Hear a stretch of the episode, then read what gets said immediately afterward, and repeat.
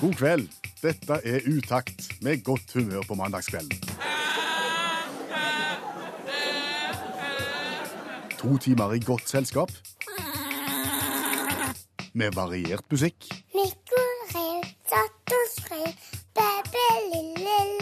Per Øystein Kvindesland. og Bjørn Olav Skjæveland. Jeg erklærer herved Radioprogrammet Utakt. for åpnet.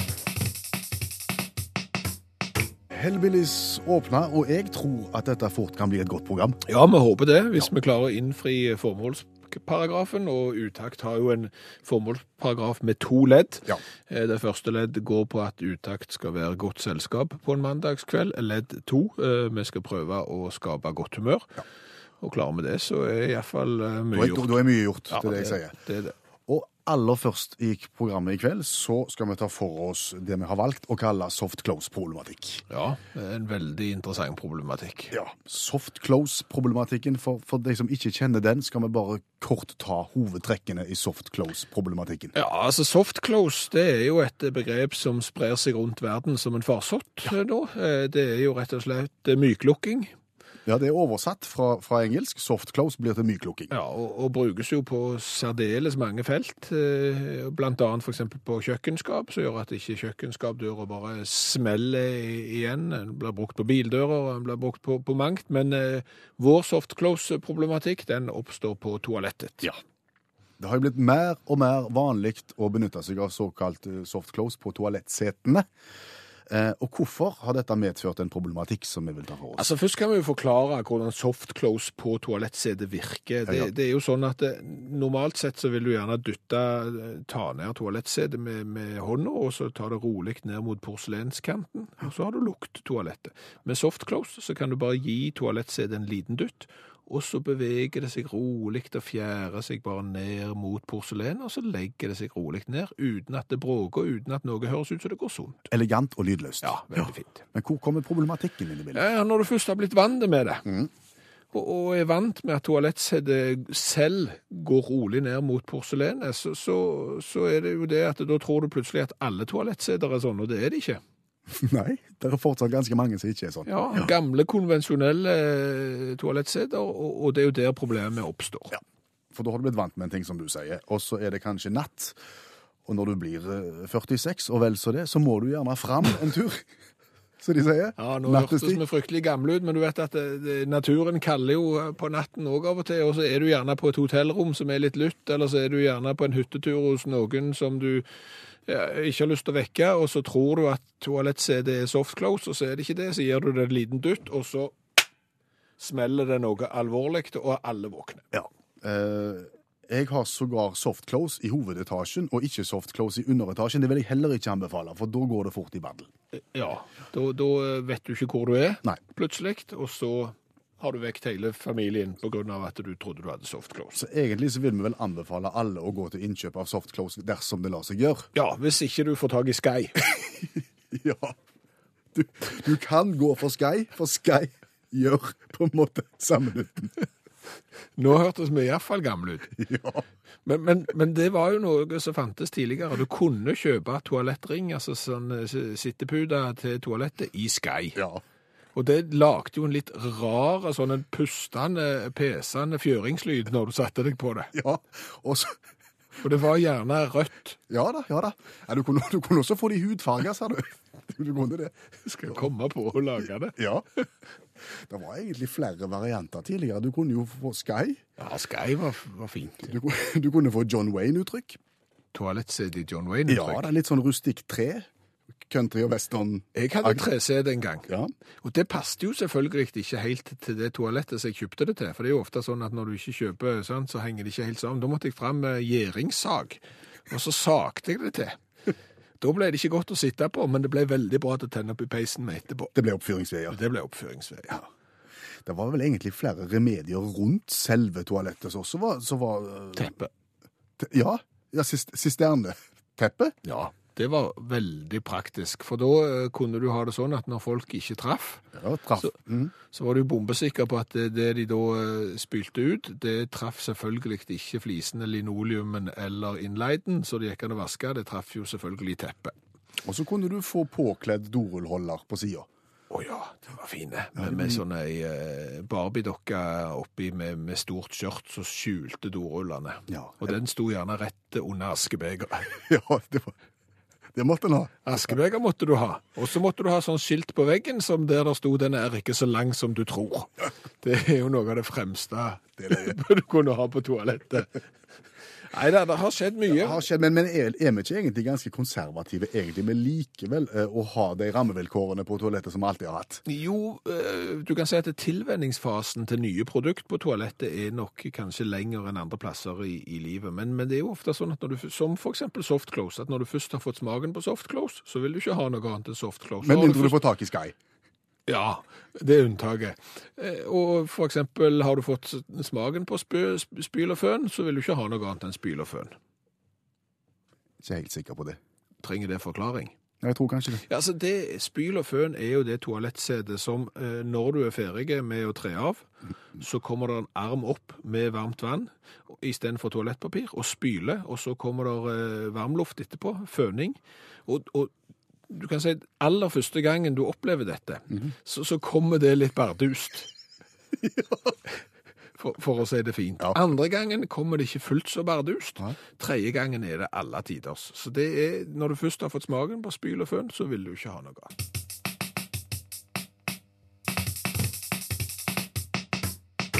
Søk opp Utakt med skråblikk i fokus på, på Facebook, og så kan du følge oss der.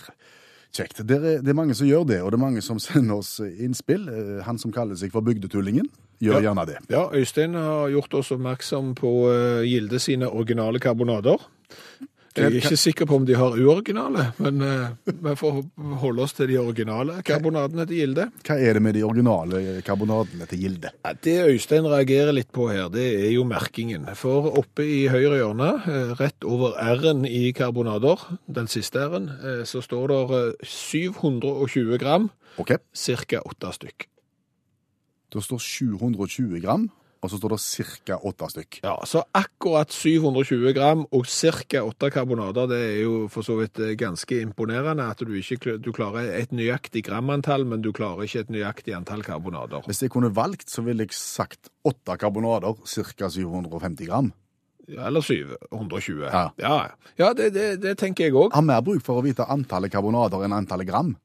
Det er veldig mye viktigere å vite antall karbonader enn antall gram. Det er jeg helt enig i. Og jeg ser jo for meg at det må være en veldig uh, ugreie sånn problemstilling på denne produksjonslinja til, til Gilde med disse originale karbonadene. For de skal jo havne på 720 gram, og det er ikke så nøye hvor mange det er, men ca. 8. det kan jo f.eks. ha noen opplevd å finne syv, for eksempel, eller funnet ni karbonader oppi. Det er ingen som vet. Og, og, og da kan du se for deg at eh, Skal vi se, nå det, det er 600 og, det er 647 eh, gram oppi pakken nå. Vi mangler hvor mye? 720 minus 647 Er, er det en liten en her? Er det noen som har en liten karbonade? Eller to? Det er ikke så farlig. Vi skal havne på ca. åtte. pluss minus er ikke så, bare det 720 gram. Det må jo være en kolossal eh, sorteringsjobb Ja. på det der eh, samlebåndet. Det hadde vært mye enklere å bare sagt 8 karbonader, 720 gram pluss minus. Takk for i dag.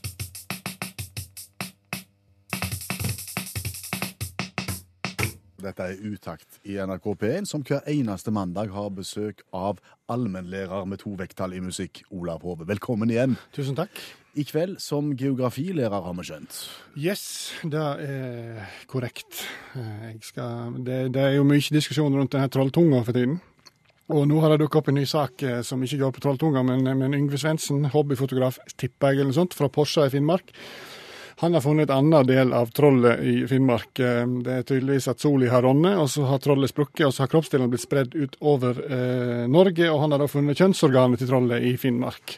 Altså, ok, Så trolltunga ligger i Odda-traktene, mens kjønnsorganet ligger i Finnmark. Yes. Ehm, så han har lagt ut bilde av denne trollkuken, som han kaller den, og, og lurer på om dette her kan bli en turistattraksjon. Han tviler litt sjøl.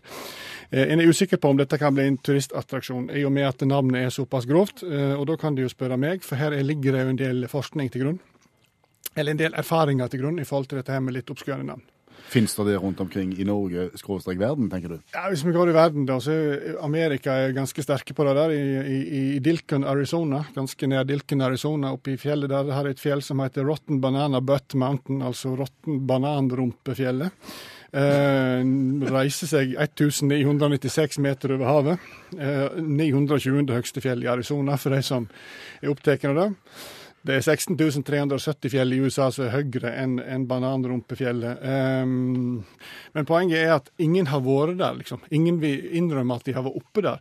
Og det er litt fascinerende, for United States uh, Peakery, uh, som er en organisasjon, de de tilbyr sånne jakkemerker som du kan ha på allværsjakka di hvis du er førstemann oppe på et fjell. da. eh, der det står f.eks. Eh, jeg, jeg klatra først opp bananrumpa, f.eks.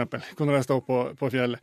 Og det er ingen allikevel som har hevda at de har vært der. Så det er en tendens da at, eh, at eh, dette liker ikke folk. da. Og hvis vi går lenger nord til, til, til Montana, til, til Beaverhead County Ganske nær elva Vice River, der finner vi eh, Boner Knopp, eh, ereksjonknasten, eh, kan du kalle den. Eh, stiger 2316 meter over havet. Og der har vi samme problemstilling. Ingen vil rett og slett ha et jakkemerke der det står 'Jeg besteig ereksjonsknasten' som førstemann. Og samme med rett ved, rett ved ereksjonsknasten ligger Bloody Dick Peak, eh, det er ikke oversetter engang, som reiser seg 2980 meter. Heller ingen vil bekjenne seg at de har vært oppe der. Men alt som har med mannen sin tissefant å gjøre, er dårlig besøkt. Men kom så igjen når det gjelder damer. Oh.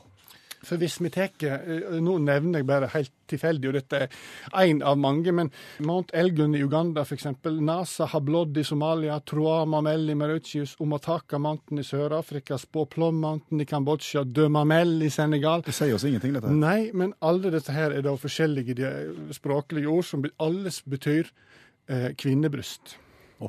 Samtlige navn betyr kvinnebryst, og samtlige er veldig godt besøkt. Og, bare for å gå videre, navnet Mamutium, eh, keltisk ord, Mamutium, som betyr brystforma fjell. Det er et ord som eh, har utvikla seg videre, og, og dagens versjon av Mamutium, kvinnebryst, er Manchester. Så for de som holder med Kvinnebryst United, så lærte de noe nytt i kveld. Og for disse finnmarkinger, ikke kall det for Trolltissen. Ta heller kalle det for Trollkona si et eller annet, så kan det fort bli millionby. Ok, Så ingen kommer til å ville sitte og dingle med beina på trollkuken?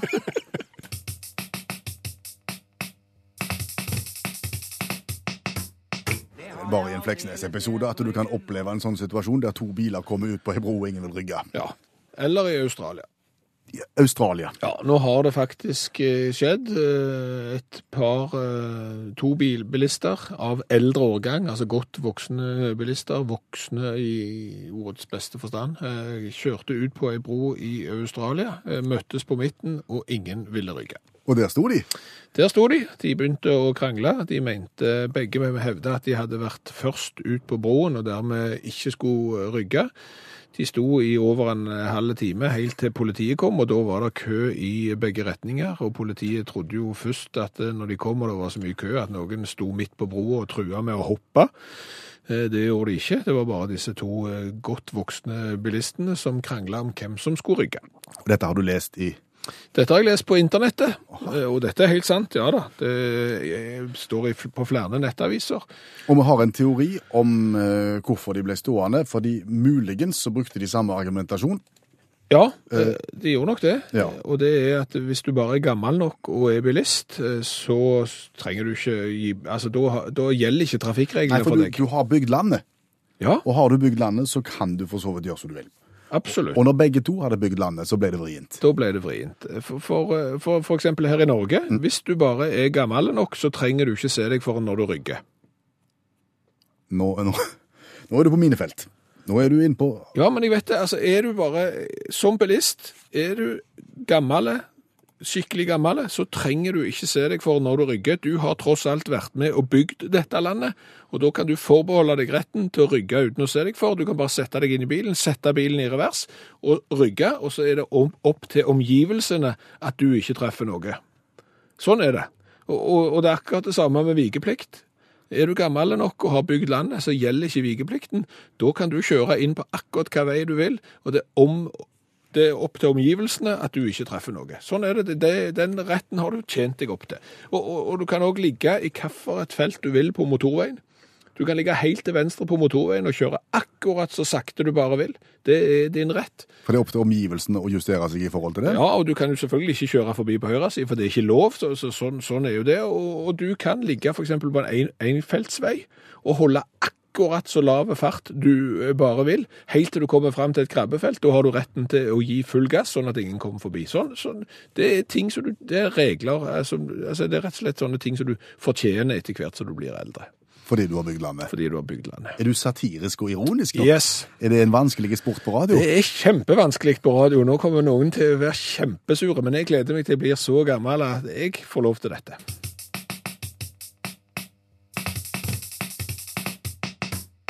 Det er ofte sånn, Skjæveland, eh, med tanke på matretter, at eh, tittelen på matretten eh, gir en slags indikasjon på hva vi har i vente hvis vi skal spise det. Som for eksempel Som for eksempel fiskegrateng. Det er noe med fisk i, Ja, som eksploderer når du bruker det i krig. Nei, det er granat. det blir noe helt annet. Grateng, ja. Så har du ertersuppe.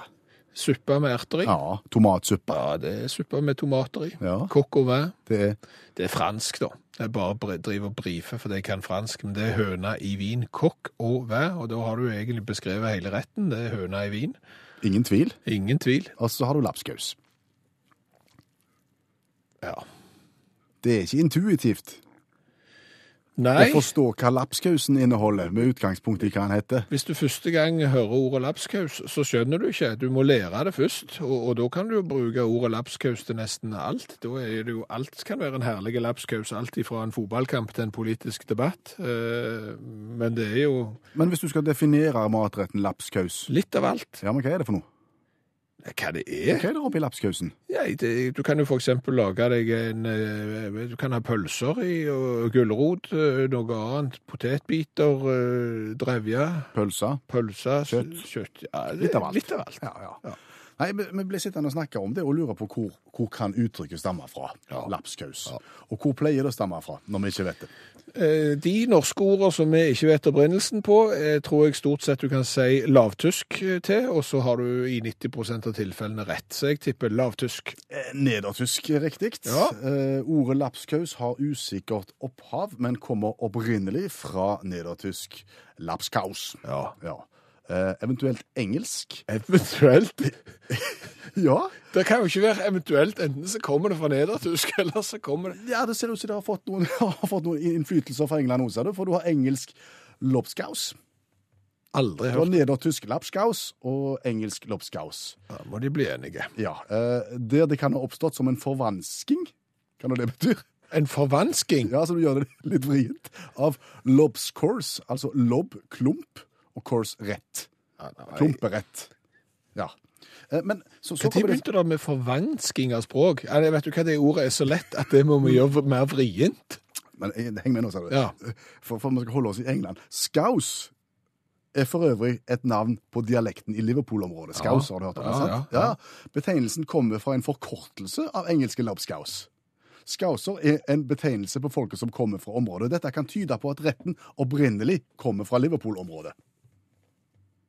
OK. Nå begynner det å bli spekt. Eh, Men den kan også knyttes til Latvia og Litauen. Hele forklaringen din begynner å minne om en lapskaus her nå. Du kan ikke komme dragende med Liverpool-supportere, for så å komme med to nedertyskere og en latvier og en litauer og tro at det skal bli noe matrett. På dansk har lapskaus blitt skrevet lapskaus, Ja. lobskaus, lapskovs, lapskov. Masse varianter. Og to og en halv fjas. Fordi retten opprinnelig ble spist av sjømann, sjømenn, kan den på dansk også kalles skipperlapskaus med brød. Og så kom den oppsummerende linjene i fleksikon.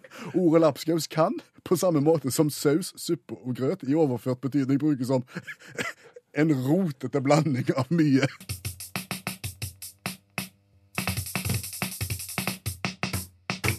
Nevn en litteraturklassiker for meg, Skjæveland. Sult. En til. Macbeth. En til. Krig og fred. Eller Fred av Arne Garborg. Har du lest disse? Eh, nei, det har jeg ikke. Har du tenkt å gjøre det? Ja, når jeg bare får eh, tid så skal jeg nok få, få satt meg ned og lest det, ja. Tror du det kommer til å skje? Nei. Nei. Da er du i kategori to. Ja, de som sier at de skal lese en klassiker, men som ikke kommer til å gjøre det. Eh, kategori én blant eh, leseglade, eller eventuelt ikke leseglade, er jo de som da har lest alle klassikerne. Så har du da kategori to, der som du her hjemme eh, har planer om å gjøre det, men som antageligvis aldri kommer til å gjøre det. Stemmer det. Og så har du kategori tre, det er de som lyger og sier de har lest de. Ja, jeg tror jeg kunne vært i den òg, jeg. ja. Ja. Fordi at i, i en del sosiale sammenhenger så vil det jo være greit å ha vært igjennom noen av disse, for det kan jo fort bli et samtaleemne. ja, men altså, for eksempel Krig og fred, Ja. den er jo sinnssykt tjukke. Ja. Og det er jo mye annet kjekt du kan bruke tida på, så den får du liksom aldri lest, og da er det jo greit liksom å vite hva kan du framstå som du har lest den, eksempel. Og det er jo her, altså det er jo dette vi skal prøve å gjøre noe med i programmet. Vi skal hjelpe deg som lyger og, og si at du har lest, til på, på en måte å framstå enda mer troverdig. Fordi vi kan på enkelt vis gå gjennom disse her og ta for oss hovedpoengene. Nei, ikke med. Nei, nei, vi kan ikke, vi må få hjelp. Ja, ja. Bevare meg vel. Vi har fått hjelp. Litteraturviter og forfatter Janne Stigen Drangsholt tar for seg klassiske perler. I dag prosessen av Kafka.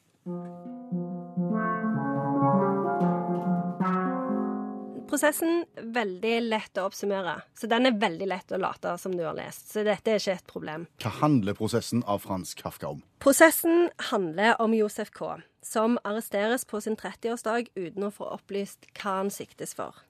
Eh, og så følger du karakterens vei gjennom et absurd og labyrintisk rettssystem, helt til han stilles for ukjente dommere og blir stukket i hjertet og dør. Det ender trist, altså. Det ender veldig dårlig. Var det lett, det? Det er jo veldig lett å late som du har lest den, for det skjer jo ikke så utrolig mye. Det er jo ikke sånn kjempekomplisert plott. Okay. Det er jo bare det samme som skjer om og om igjen. Han konfronteres med en eller annen ukjent forbrytelse, sier 'jeg vet ikke hva dere snakker om', blir sendt til et nytt rom, det samme gjentar seg, og så til slutt så dør han. Ok, Så han handler nesten egentlig om alle som sitter i norske fengsel, for alle er uskyldige, og ingen har gjort noen ting som helst. Helt riktig. Og det som er så nyttig med prosessen, det er at det, den kan brukes eh, til å snakke om mange av de TV-seriene som går på forskjellige kanaler nå. Eh, sånn noen TV TV-serier som handler om det amerikanske rettssystemet, f.eks. Da kan det være sånn Å, herlighet, det er akkurat som prosessen av Kafka. Ja. Dette er kafkask. Ja, og det som er greit, da, det er at det, for det er jo sånn som du sier, kafkask er jo et ord. Eh, For det som Kafka tematiserer, det er jo byråkratiet, totalitære regimer, eh, den følelsen som du får eh, på alle forskjellige samfunnsnivå av at det ingenting går noen vei. Alt blir stående i stampe fordi at systemet er så eh, lukka, og det er så eh, vanskelig at du, du Altså det er ugjennomsiktig system, så du får liksom ikke trådene i det. Eh, og det kan jo være noe så enkelt som en sånn e-postkorrespondanse som går dårlig, hvor du liksom prøver å formidle et eller annet til den som sitter på den andre sida, men de svarer på ingenting av det som du spør om. Så det er jo en kafkask opplevelse. Har du òg opplevd sånne? Mange, mange ganger. Jeg Trodde bare det var meg, jeg. Hvor er det tøffest å, å briljere med kunnskap om Kafka? Overfor hvilke personer? Veldig viktig spørsmål. Fordi Kafka slår ikke så godt an hos jurister eller folk fra næringslivet. I motsetning til krig og fred og sult, som vi har snakket om tidligere. Fordi Kafka kritiserer de på en måte? Ja, han gjør det. Han er jo veldig kritisk til hvordan samfunnet er oppbygd, og det liker ikke de. Og dessuten så liker ikke de den følelsen av absurditet og eh, eh, stampe som du finner hos Kafka. De liker at ting ordner seg opp. At eh, hovedpersonen reiser til England, eller at eh, krig fører til fred. Det liker de. Men Hvor skal vi da briljere med Kafka? Kafka slår veldig godt an hos folk som har HF-utdannelse. HF? De elsker, ja, Hvis de har tatt historie, nordisk, religion, engelsk, litteraturvitenskap Alle disse folka elsker Kafka. Og eh, det gjelder òg kunstnere og folk som har tatt teatervitenskap. Du har gått på Steinerskolen, kan vi si det så Å, herlighet! De kommer til å elske deg. Kjør på med Kafka. Bare snakk om Kafka hele tida. Er det noen sitater, og noen linjer vi skal ta med oss fra Kafka? Nei, jeg tror at det er nok bare å vite liksom, at det, hovedpersonen heter Josef K., eh, og at det er en prosess som øv, eh, fører til destruksjon og død. Da har vi det. Tusen takk, Janne Stigen Drangsholt. Forfatter, litteraturviter, eh, hjelpetrener i friidrett og medlem av FAU.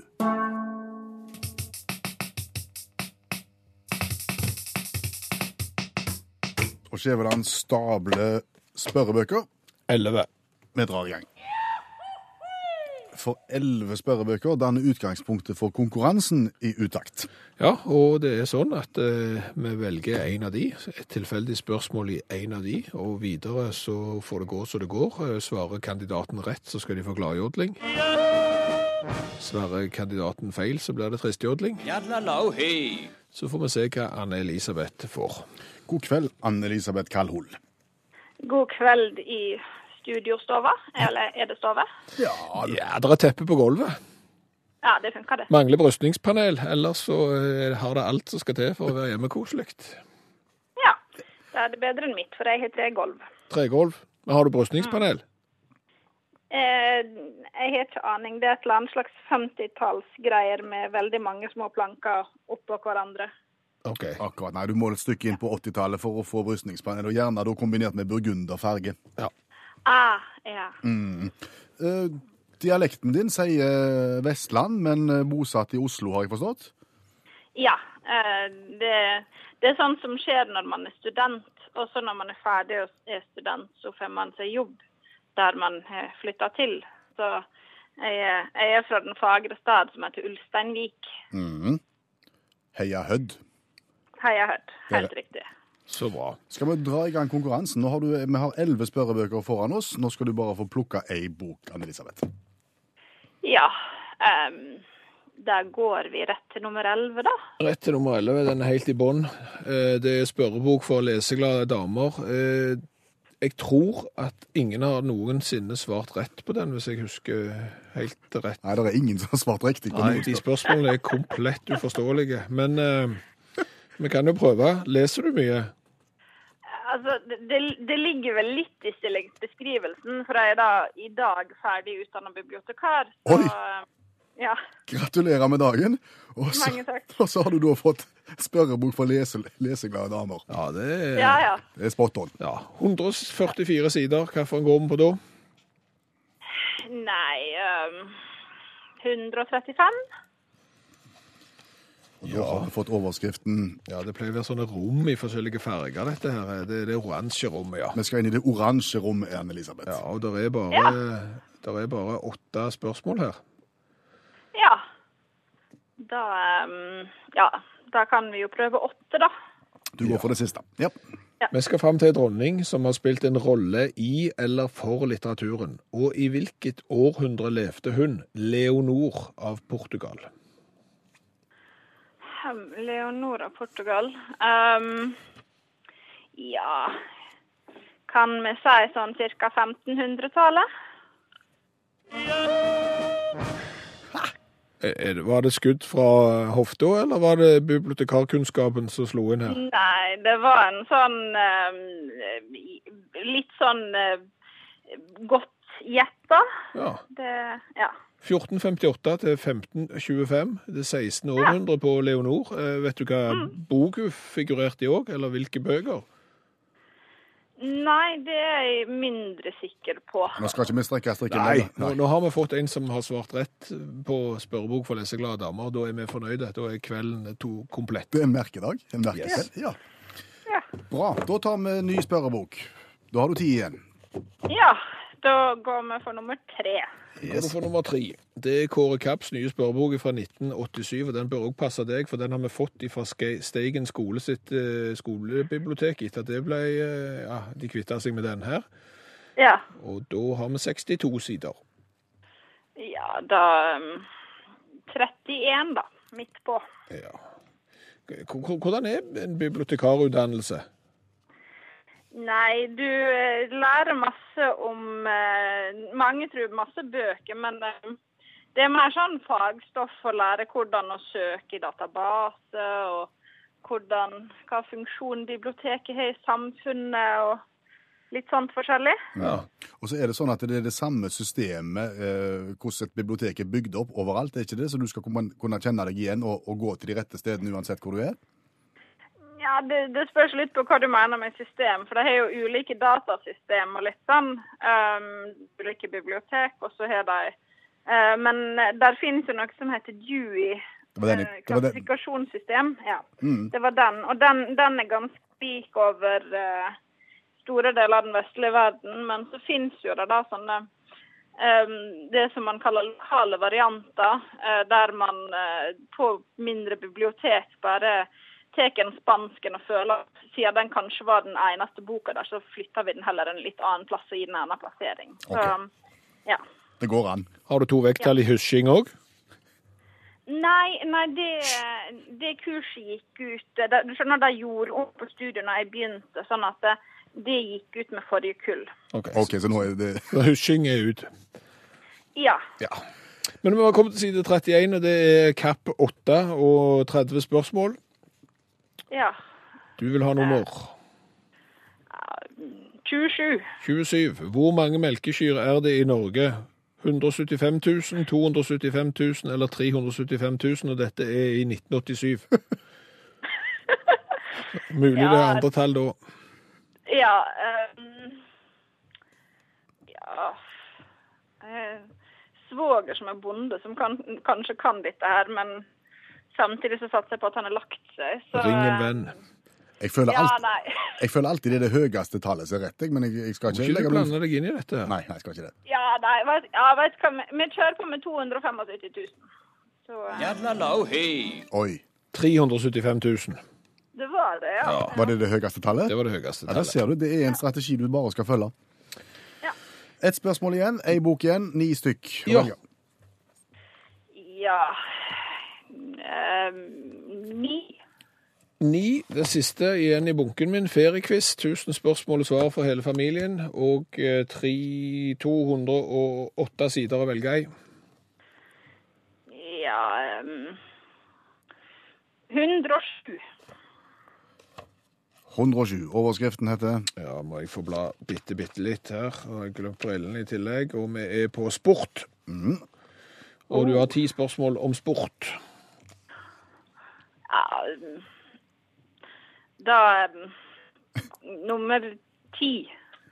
Hvilken legendarisk colombiansk keeper utførte skorpionsparket i en vennskapskamp mot England på Wembley Stadium i altså stadium, ja, Wembley Stadion i september 1995? Det var faktisk 30-årsjubileum. Nei, det var jubileum for det nå, nettopp, ja. Da Ja. verserte den på interweben. Husker du Ja. det? Eh, nei, sånn, da, der skal jeg innrømme at jeg er helt blank. Så eh, Du kunne fått poeng for eksempel, hvis du kunne beskrevet hårsveisen, eksempel. Det kunne gitt eh, ja, bonuspoeng. altså hvis ja, Hårsveis, ja da um, jeg, jeg har for følelsen av litt sånn Kan det stemme med litt hockey? Ja, l- si hockey, ja. ja, Ja. ja eh, Farge. mørkt eller lyst. Mørk, tenker jeg. Ja, det, det er mer enn godt nok. Ja. Det er mer enn godt nok. Det er så rett som det kan få blitt. Han heter René Higuita. Ja. Og utførte dette her rare sparket på Wembley. Ja. Anne-Elisabeth, eh, strålende kveld. Gratulerer med bibliotekarutdannelsen. Gratulerer som vinner av Utakt sin eh, T-skjorte med V-hals. Mange, mange takk. Er det lov å gå med utakt-T-skjorte på biblioteket? Ja, det får jeg vel bare finne ut, da.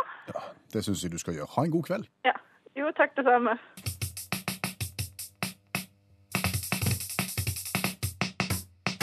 Og Hvis jeg ser ut av studiovinduet mitt akkurat nå, så ser jeg ut på en reol som er i ferd med å bli overfull.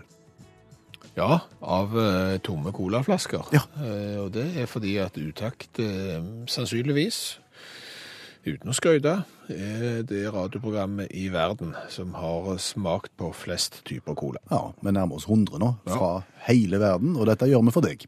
Ja, selvfølgelig. Må ikke få det til å høres ut som dette er et egoistisk eh, konsept, bare for å kunne sitte i studio og si hæ, vet dere hva, vi har smakt på så mange cola. Nei, dette er fordi at nordmenn er et reisende folkeslag, og du skal vite hvilken cola du skal drikke i hvilket land. Ja, Det er en jungel der ute, det såpass kan vi si. Ja. Og vi får tilsendt cola fra hele verden til testing. Eh, I dag så vet vi ikke helt hvor vi skal, for bokstavene er komplett umulig å forstå. Ja, Vi er vel ganske sikre på at vi skal til Ukraina. Det har vi vel forstått, for vi, vi klarte å tolke Ukraina på eh, ukrainsk. Men, men hva colaen heter, det er jeg litt usikker på. Vi tror han heter Hoba. Hoba- Hoba Cola fra eh, Ukraina. Ja. Og vi pleier jo å innlede disse her testene her med å si litt om historien til colaen, og hvor han kommer fra, hvor lenge han har levd osv.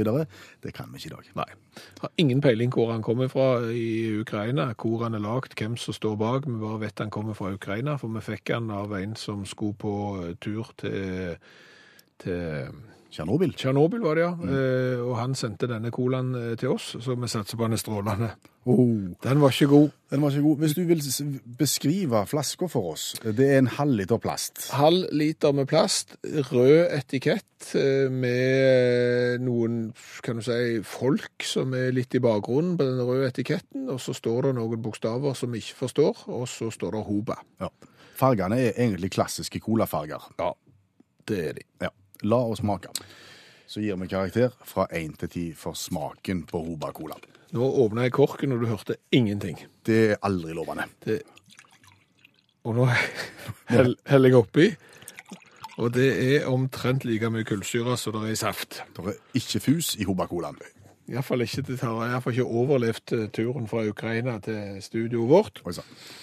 Men la oss smake. Saft. Smakte gløgg. Det er veldig vanskelig å gi han karakter i og med at det ikke fins spor av kullsyre. Om den har forsvunnet på veien, eller om han skal være sånn, det er jo ikke godt å si. Men vi må ta utgangspunkt i at han skal være sånn. Og Da er det katastrofe. Ja, altså, iallfall sånn han er. Vi kan jo ikke Dette var gløgg. Ja. Eh, veldig god gløgg. Dårlig cola. Eh, på gløggtesten så hadde han havna høyt oppe. Cola er én. Ja, det, ja, jeg skal strekke meg til en toer. To på deg og én på meg. Og er det tøft? Bokstavene er tøffe. Ja. Det er jo, et, det er jo annerledes på alle mulige måter. Det, det, det er ganske tøft å kunne stå med en Hoba-cola, tror vi. Ja. Jeg tror vi gir han en, en sekser i, de- i design. Du gir seks, du. Nei, så tøffe var han ikke. Fire var maks for meg. Da er vi oppe i 13 poeng, og det er en krise. Oi sann. Hvor langt nede legger vi oss på lista da? Langt, langt, langt nede i bånn. Vi legger oss eh, sammen med Sesto-colaen eh, fra Filippinene og eh, den AH Classic regular-colaen fra Nederland. Hvis du har lyst til å se hele testen, alle sammen, alle vi har vært igjennom, så må du gå inn på Utakt sine Facebook-sider. Der ligger oversikten. Der kan du også se bilder av de forskjellige. Ganske sikker på at hvis du hadde hevet nøtter og, og rosiner oppi den her og servert den varm, Så hadde du hatt jul med en gang. ja, det hadde søren ikke vært verst da, altså.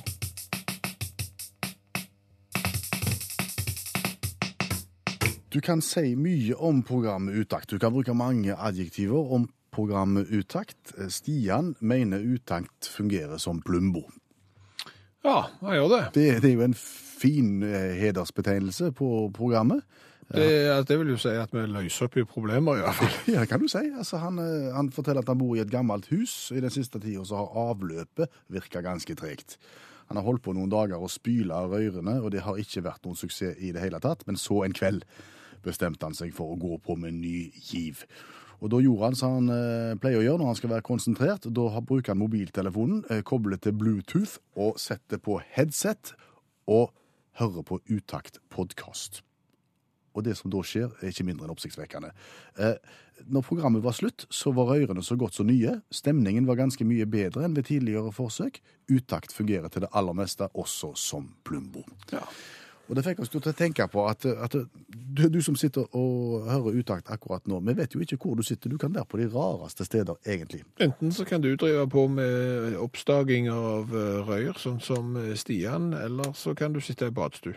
Jeg tror ikke det er spesielt vanlig. Nei, eh, og grunnen til at jeg sa det, er fordi at rett før helga så snakket jeg med en mann som påsto, hardnakka, at han måtte være den eneste i Norges land som hver mandag hørte utakt i badstue. Var dette en tradisjon for mannen? Jeg er litt usikker på hvordan eh, akkurat denne badstuen kom inn, for jeg må nesten bare gjette meg til det, men la oss nå gjette at vedkommende driver på med et eller annet fysisk fostring av et slag på, på mandag, og avslutter det i, i badstue hver eneste mandag, og, og, og da er utakt en følgesvenn. Ja.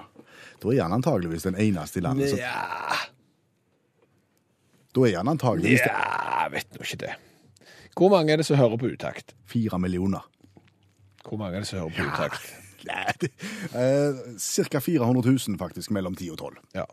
200 000 hver time er innom utakt, så totalt, hvis du legger godviljen til, så er det ca. 400 000 som på et eller annet tidspunkt er innom utakt.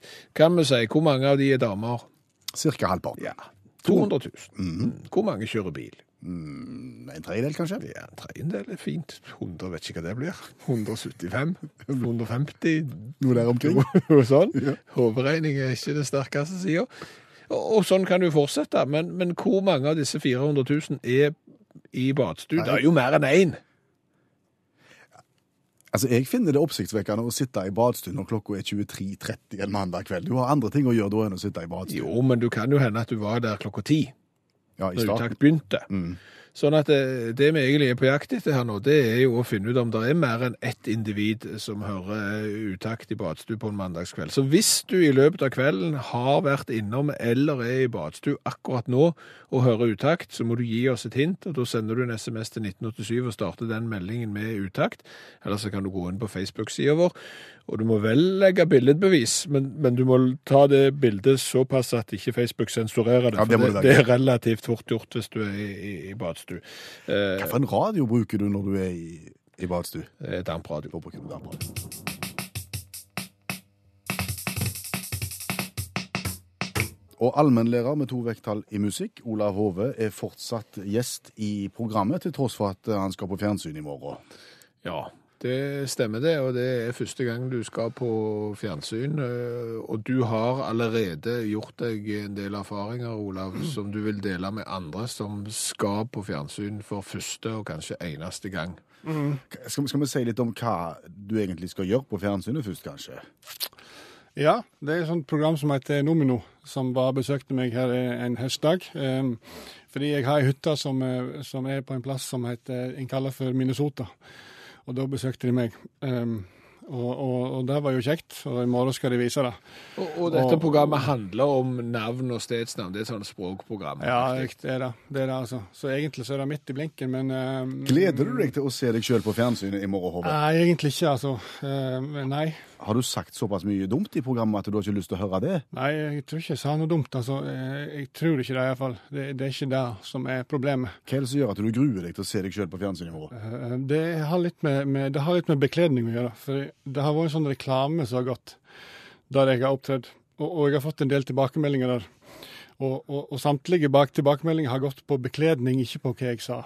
Um, og, dermed så, så gruer jeg meg litt i morgen. Fordi at eh, eh, eh, saken var den at det var litt kaldt ute, da. Eh, Så jeg kledde meg etter været. Jeg vil jo ikke få, eh, ikke få lungebetennelse og slikt når jeg skal undervise. eh, Etter, og det var høstferie i fjor. Og så, og så hadde jeg på meg skjerf, og så hadde jeg på meg hua, for det, da er du sikra, sant? Ja. Eh, men men eh, så, så gikk vi ut, og så skulle vi filme, da. Eh, Og da tenker du kanskje jeg går med hua på TV, tenkte jeg. Så jeg tok av meg hua, men ikke skjerfet. Og nå er jo jeg litt sånn breinakka, så enhver en eh, form for skjerf ser ut som det er tolv meter på meg.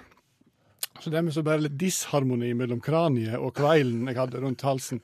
Du opptrer på fjernsyn med en voldsom kveil rundt hodet, kan du vel si. Ser ut som noen har skåret hull i en turban og tredd den ned på halsen min, ja. Em, Føler du at den vil stenge litt for, for, på en måte for budskapet? jeg er redd at han kan ta litt fokus vekk fra deres gode budskap. Jeg tror jeg sa en del gode ting, men jeg tror eneste folk kommer til å tenke på, er Hva er det for noe? Det, det er ikke bra. Og, og ja. Er, er det andre klesplagg du klarte å ta på deg i, i forbindelse med innspillingen, som du angrer på i dag? Uh, Cowboyhatt angrer jeg litt bak. Olav Hove, du, du, du skal på fjernsyn for første gang i ditt liv. Kanskje for siste gang i ditt liv. Ja, Eh, Du tar på en voldsom kveil av et skjerf riktig. og cowboyhatt. Og, og cowboyhatt, ja. Hvorfor det? Nei, nei, du blir sett under press. vet du. Det TV TV-mediet det, det, det stiller voldsomme krav, og du mister lett hodet. mister lett hodet. Så, så du blir sittende som en sånn hipster-John Wayne eh, der, med, med norske flagg og cowboyhatt. Så, så ikke skru på i morgen. Men Bruker du mye cowboyhatt ellers i livet? Nei, det er sjelden, altså. Besøker venner på Sørlandet kanskje, men ikke noe annet. Men eh, hva er da rådet ditt til folk som, som vet at snart så kommer det et TV-team hjem til meg og skal ta og filme meg, og jeg har sannsynligvis den eneste sjansen jeg nå har til å komme på fjernsyn, det er nå. Hva skal de tenke? Nei, en kan jo se seg i speilet, kanskje. Det er ikke dumt før en går ut. Og helst ikke kle deg etter været, altså. Eh, og ikke bruk skjerf. Eller cowboyhatt. Men se Nomino på NRK1 i morgen. Nei! Jo, gjør det. Nei! Tusen takk, to vekttall i musikk, Olav Hove. Og cowboyhatt.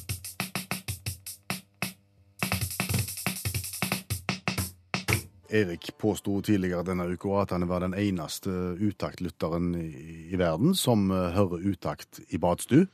Det er han ikke. Nei, han er ikke det, men kanskje han er det i kveld. eh, Fordi Hauge 2, som jo er en trofast uh, han har ikke vært i badstua i kveld, men han var der forrige mandag, og første sending etter ferien var òg badedag. Så, og da står radioen på i vinduskarmen rett ut forbi, og han har lagt med bilde, vedfyrt sådan.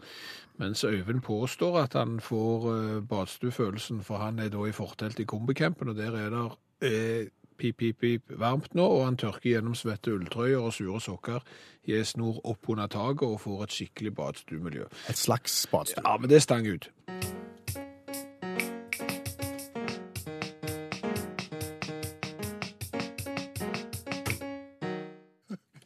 Du ble i godt humør av det. Ja, Den der ble jeg òg i godt humør av. Det jeg ikke blir i godt humør av, det er nesespray. Oh, Nei, nei det, det, antagelig, årsaken til at du trenger nesespray, er vel det som ikke gjør deg i godt humør. Nei, nei, jeg blir så eitrende sur på de som produserer nesespray. Altså, nesespray, det er jo den der lille beholderen som du kjøper, eh, som du bruker når du er forkjølt, og som du hele veien får advarsel om at du ikke må bruke mer enn i ti dager, for da kan du bli narkomane.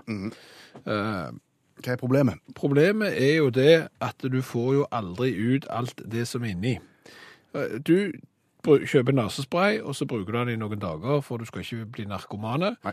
Og så eh, setter du den vekk, og da er det en del igjen igjen. Sant? Så tar du den fram igjen neste gang du trengte den, og da var det bitte litt igjen igjen, og så setter du den fra deg, og så rister du på den og hører jo, her er det noe igjen, trenger ikke kjøpe nye. Og den dagen da, når du er spons tett i nesen og tar fram den som det var bitte litt igjen av, så får du det ikke ut. Selv om det er der. Ja, og så er det jo om å gjøre å prøve å vende og vri på denne doningen for å få ut den siste slanten. Ja. Holde den opp imot lyset, sånn at du ser at det er væske igjen, og prøve å få det til å passe. Og så går det ikke ut av. Eh, og da føler jo jeg ofte at jeg, jeg tar en sånn en test ut i lufta for å se om jeg har fått det til nå, og da får jeg det til. Men da bruker jeg jo opp den siste dråpen. Jo, jo, ja, kanskje. Men, men så har jeg begynt å studere dette her. Og iallfall de flaskene som jeg kjøper da. Kan ikke ta alle nesesprayleverandører under én sprut her, men, men han er inni, han er konte i bånn, hvis du skjønner. Han er ikke flat i bånn. Nei. Nei. Og så ligger dette sugerøret som du liksom skal bruke for å få opp den, den ligger jo oppå det som er kont, og dermed så er det jo væske rundt på sida. Det er på en måte en liten ås oppe i, i, i bånn av øh, nesesprayen, Ja. og så er det et lite tjern Ja. av nesespray rundt åsen. En vollgrav, ja, så Ja. du aldri kommer nedi med slangen. Og det er jo den resten du aldri får tak i, som du vitterlig har betalt for, og som nesen bare skriker etter å ha behov for å få inni seg, Ja, og her, og som du ikke får. Og her er det en literpris av dimensjoner. Jeg har regnet ut at det er ca. 6000 kroner literen for nesespray. Det høres ut 6000 kroner literen. Det er såpass. Herremann, du må skjerpe dere. Eh, Og, og tenk alle de dråpene som du ikke får fatt i. Det, ligger jo, altså det er jo ei gullgruve som ligger samla i de tusen hjem med, med ubenytta nesespray. Så du hadde løst dette med å lage flate bånd, og ikke hatt vollgrav? Ja, jeg vet ikke, det er sikkert mange lås. Altså, i, I desperasjon en gang, vet du hva jeg gjorde? Jeg sakte av toppen på beholderen, og så prøvde jeg å helle den siste, så la jeg meg på ryggen, og så prøvde jeg å helle den siste dråpen nedi. Og det gikk jo kjempedårlig. Det rant jo bare ned over hele fjeset, så det var ingen suksess.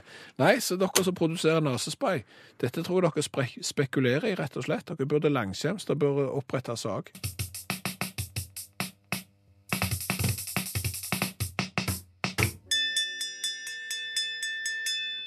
Utakt leser høyt fra boka 'Norges morsomste vitser'. De beste vitsene fra NM i humor. Dette er en historie fra gamle dager, da skogsarbeidere lå i skogen hele uka og var utrustet med mat deretter. Enhver kan vel tenke seg at brødet ble temmelig hardt på slutten av uka. Og det ble det også for Per og Knut, som det her fortelles om. En kveld sist i uka, da de satt i koia og spiste, så røk de opp i en durabelig krangel. Ja, det gikk så langt at Per tok en tørr brødskalk og smelte til Knut i hodet, så Knut gled ned på stolen og døde. Dette ble naturligvis anmeldt, og lensmannen kom for å avhøre Per.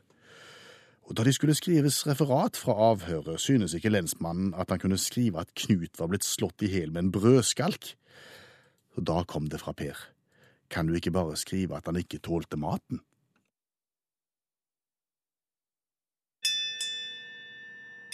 Du har hørt Utakt lese høyt fra boka 'Norges morsomste vitser'. De beste vitsene fra NM i humor.